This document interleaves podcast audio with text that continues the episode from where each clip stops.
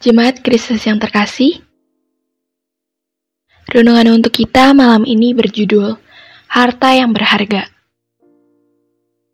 Dan bacaan kita diambil dari Ibrani 10 ayat 35 sampai 39. Beginilah firman Tuhan.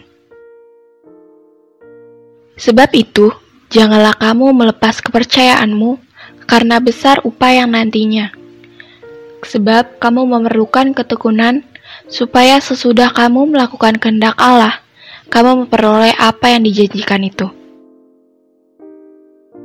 Sebab sedikit, bahkan sangat sedikit waktu lagi, dan Dia yang akan datang. Sudah akan datang tanpa menaguhkan kedatangannya. Tetapi orangku yang benar akan hidup oleh iman, dan apabila ia mengundurkan diri, maka aku tidak berkenan kepadanya. Tetapi kita bukanlah orang-orang yang mengundurkan diri dan binasa, tetapi orang-orang yang percaya dan yang beroleh hidup.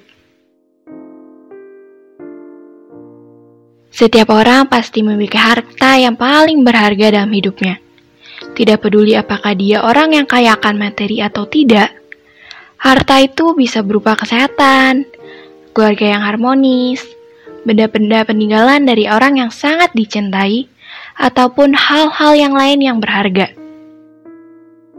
Karena itu bisa jadi benda yang bagi seorang tidak berharga, justru berharga di mata orang lain. Dan mungkin kita pun juga sudah sering menemukan hal ini. Orang akan memiliki cara dan sikap yang berbeda saat membahas sesuatu yang bagi dia sangat berharga. Biasanya sikapnya akan lebih teliti dan memberi perhatian lebih. Orang juga akan bersedia berkorban untuk mendapatkan atau menjaga yang paling berharga. Tidak pernah berhitung untung atau rugi, asal yang paling berharga tidak rusak atau hilang.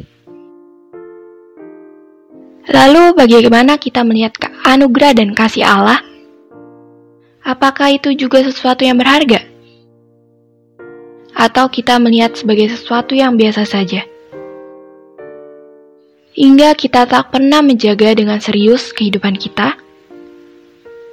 Sedikit membingungkan kalau kita menyatakannya bahwa anugerah keselamatan dan kasih Allah adalah sesuatu yang berharga dalam hidup kita.